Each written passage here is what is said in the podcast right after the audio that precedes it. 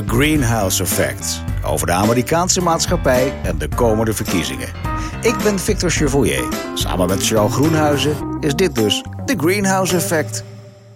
Hartelijk welkom, Charles. Goedendag. We hadden het over de, de, vorige aflevering over de populisten, want daar wil je nog het een en ander over kwijt. Nou, uh, de wereld zit er op dit moment vol mee, hè? Ja, en ze hebben het niet makkelijk. Nu niet. Nou ja, uh, Johan Cruijff zei het al, ik heb hem al vaak geciteerd, elk nadeel heeft zijn voordeel. Uh, de coronacrisis is natuurlijk vreselijk voor heel veel mensen. Uh, en, en heel hinderlijk voor alle anderen. maar het zet de populisten wel een beetje op hun plek. laten we het even vrij simpel houden bij degene die we het beste kennen. Dus ik, ik vind Donald Trump in veel opzichten een populist. En, past in het rijtje. Dan hebben we Boris ja. Johnson gezien. En hier in Nederland een paar partijen, in ieder geval Forum voor Democratie en PVV, vind ik in ieder geval sterk populistische trekken hebben. Dus die zou je, uh, ja, even niet heel academisch, maar je zou ze bij elkaar kunnen vegen in een aantal opzichten. Maar wat je nu rond de bestrijding van die coronacrisis ziet, is dat we met z'n allen, en dat geldt voor het Verenigd Koninkrijk, dat geldt voor de VS, dat geldt voor ons hier in Nederland, dat we in zeer hoge mate voor ons heil, onze gezondheid, ons welvaren afhankelijk zijn van de overheid. En Mhm. afhankelijk zijn van de vraag of overheden, politieke leiders, daarin verstandige besluiten nemen. Nou, dat is, dat is één. Twee, die populisten hebben ons altijd verteld dat je niks te verwachten hebt van de partijelites, de politieke elites in Londen, Washington of Den Haag.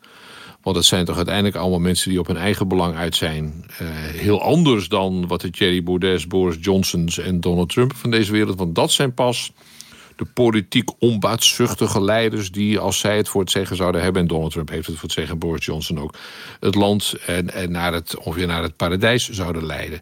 Wat je nu ziet met die coronacrisis, is dat overheden ineens een rol krijgen die die populisten nooit bedacht hadden, ook nooit gewenst hadden. Nee. Want, want één ding hebben ze natuurlijk gemeenschappelijk: dat ze een grote argwaan preken uh, over alles wat overheid en politiek is.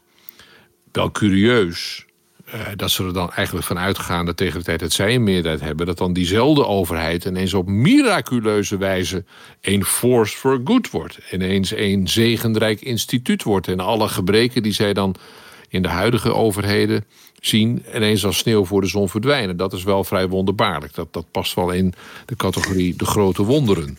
Ja. Maar je, waar ik zo benieuwd naar ben in de komende periode... even los van alle zieken en doden die door dat coronavirus vallen... en de economische schade... hoe dit uitwerkt in het hele publieke debat... En dat is in, in Nederland en in Engeland en in Amerika op een hele verschillende manier. Maar toch wel met één gemeenschappelijke onderliggende noemer. Hoe kijken wij als burgers, als samenleving, als economie aan tegen de overheid en wat voor rol kan de overheid en de politiek daarin spelen. En die discussie krijgt een fascinerende dynamiek in wat we nu in uh, de tijd van, tijden van corona meemaken.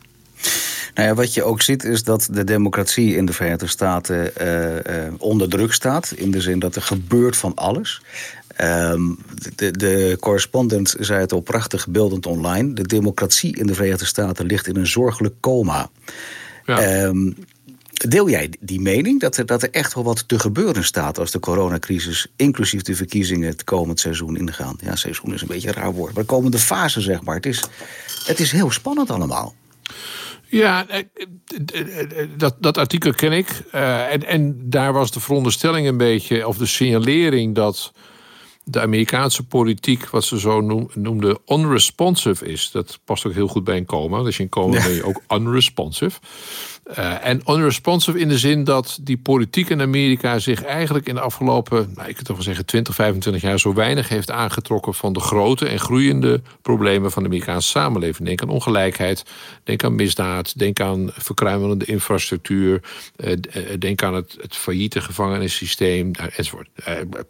over de zorg maar de aan de hand. Ja. en en het, het hele politieke systeem is de stelling heeft zich daarvan niks aangetrokken en heeft de dreigende gevaren, de dreigende risico's die de Amerikaanse samenleving loopt door die verwaarlozing, naast zich neergelegd. En op dat vlak, en met die analyse ben ik het eens. Ik heb in een van mijn laatste boeken, Alles gaat voorbij zoals Donald Trump, heb ik ook vastgesteld dat, en met name door de Republikeinen, een situatie is ontstaan dat dat Amerika, Amerikaanse samenleving, een aantal tekorten en gebreken vertoont. die wij in Nederland niet of in veel mindere mate hebben. Opnieuw, ik heb het vaak gezegd: Nederland tel uw zegeningen. Maar dat republikeinse, republikeinse greep op de macht heeft dat in hoge mate verergerd. En ook daarvoor geldt, nu met, het, met uh, de coronacrisis, zijn die gebreken worden knalhard blootgelegd.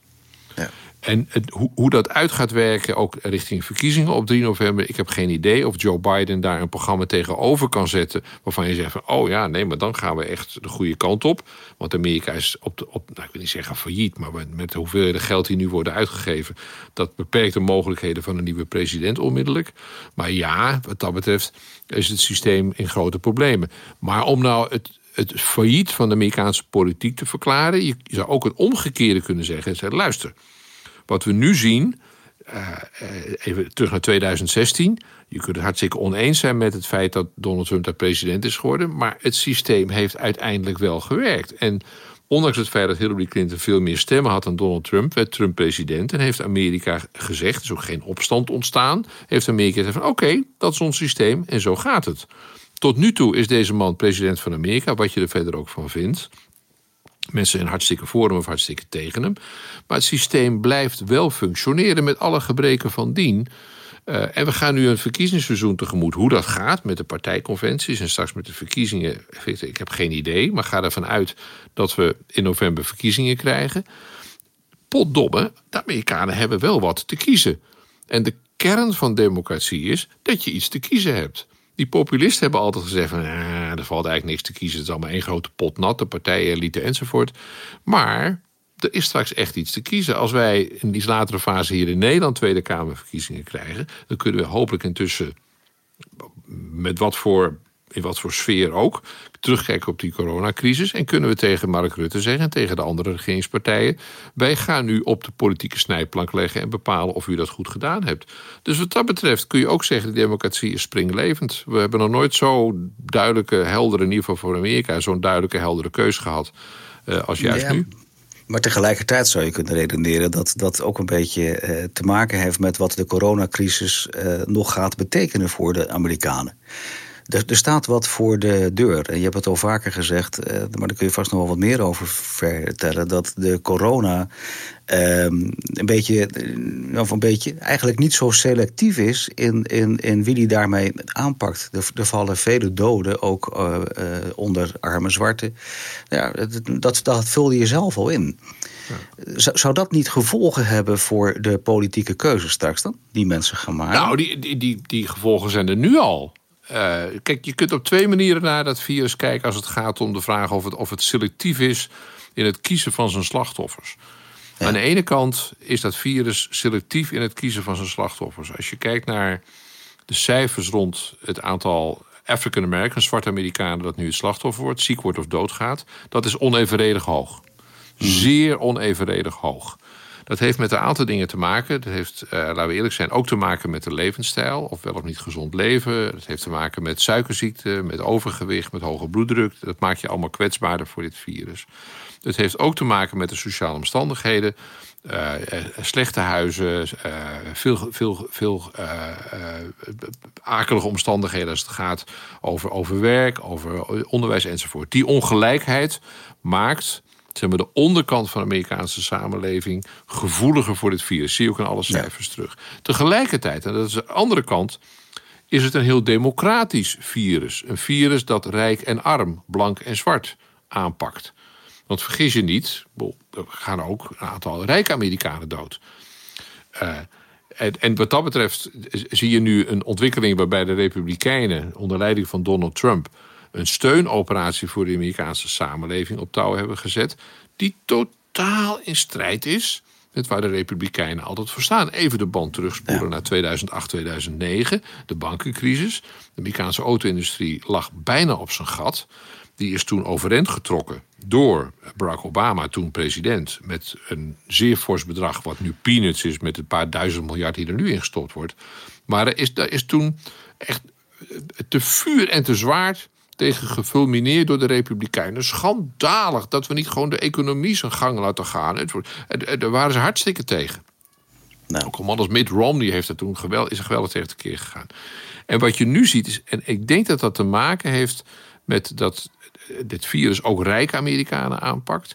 Dat dit soort onrepublikeinse maatregelen, een, een, een beleid wat in strijd is eigenlijk met het adagium van de Republikeinen, hou die overheid klein, laat de maatschappij en de economie zijn gang gaan. Ze handelen nu radicaal in strijd met hun eigen geloof op dat punt.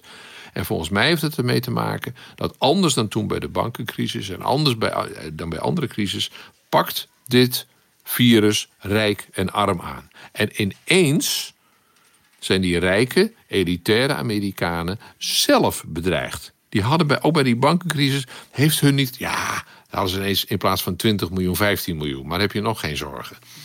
En, en, de, en de, deze crisis raakt hun snoeihard. Zij voelen zich ineens bedreigd. En dus zegt die elite tegen de Republikeinse leiding: Gij zult nu maatregelen nemen. waardoor die bedreiging voor mij voor een deel wordt weggenomen. En dat is de fascinerende dynamiek die we nu, nu zien. Ineens mogen bij die Republikeinen dingen. Uh, die, die tot nu toe juist hebben vervloekt. En tegen links hebben ze. Jullie zijn altijd de mensen van de grote overheid. En, en, en veel belastinggeld uitgeven. En steun aan, aan en, uh, bedrijven en zo geven. En stop dat toch mee. En nu mag het ineens. Maar gaan we het dan ook vanuit politiek oogpunt uh, straks hebben over de periode voor de crisis en na de, na de crisis? Ongetwijfeld. En ja, dit, dit, dit, is een dit is een waterscheiding. Ja. Uh, hoe we er over vijf jaar naar kijken, of dan alles weer een beetje in zijn oude stand is terug, uh, teruggetrild, zou ik maar zeggen, dat weet ik niet. Ik denk het eigenlijk niet. Ik denk dat we ook als het gaat om uh, denken over klimaat, als het gaat denken over, denken over ongelijkheid, over armoede en rijkdom enzovoort, dat, dat soort kwesties, zorg. zorg is natuurlijk een prachtig voorbeeld.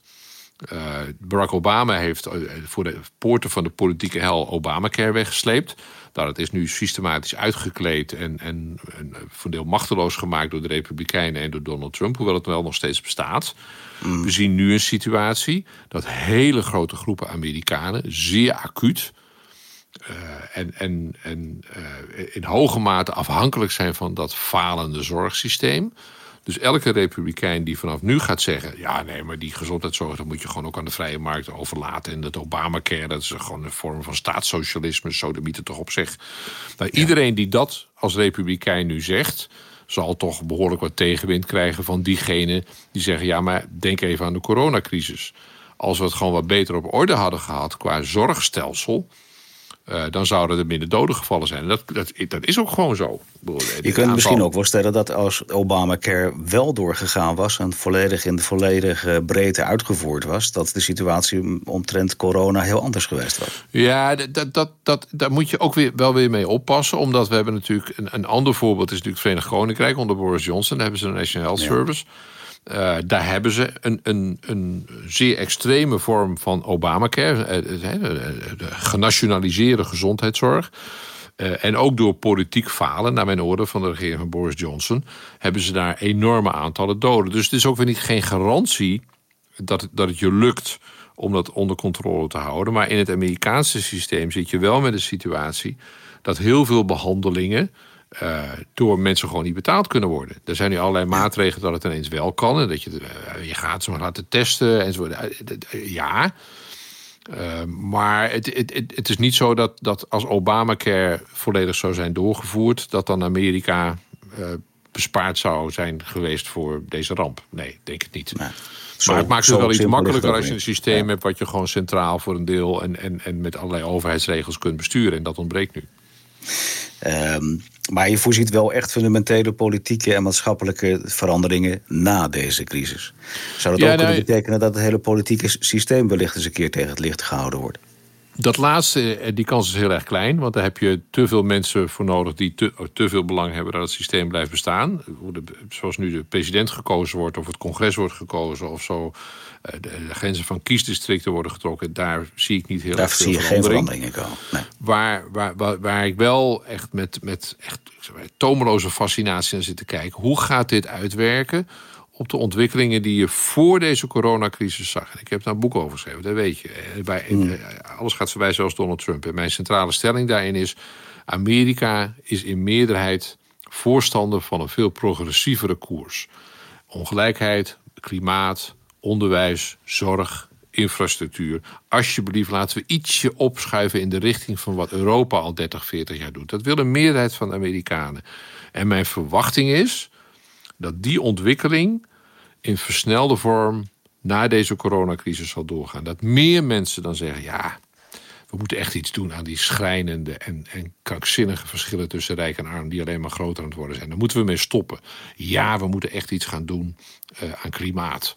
We kunnen niet net doen alsof dat een groot complot is van de Chinezen. We hebben nu twee complotten van de Chinezen: het coronavirus en het klimaat. Dat is wel knap van de Chinezen. Ja, dat is die, die- dat zijn wel knappers hoor. Ja. Of we moeten echt iets doen. Iedereen die in Amerika rondgereisd heeft, heeft het met eigen ogen kunnen zien en kunnen voelen, rijdend in je huurauto met over bonkige snelwegen. Dat je denkt van, het lijkt gewoon Hallo. op Nederland in 1948 wel. Ja. En ik denk dat die ontwikkeling van nadenken over een progressiever Amerika, dat, dat je daar een soort katalysator zult zien als gevolg eh, van deze coronacrisis. En dat zou het wel heel erg interessant maken. En dat zou uiteindelijk zou dat ook Amerika iets verder kunnen brengen in de richting van een wat eerlijker, schonere eh, en rechtvaardiger samenleving. En je weet, ik hou ontzettend van het land. Dus wat zou het fantastisch zijn als we op dat vlak ietsje in die richting zouden kunnen opschuiven. Ik vind het een prachtige afsluiting van deze dertiende aflevering. Dankjewel, show. Graag tot de volgende keer.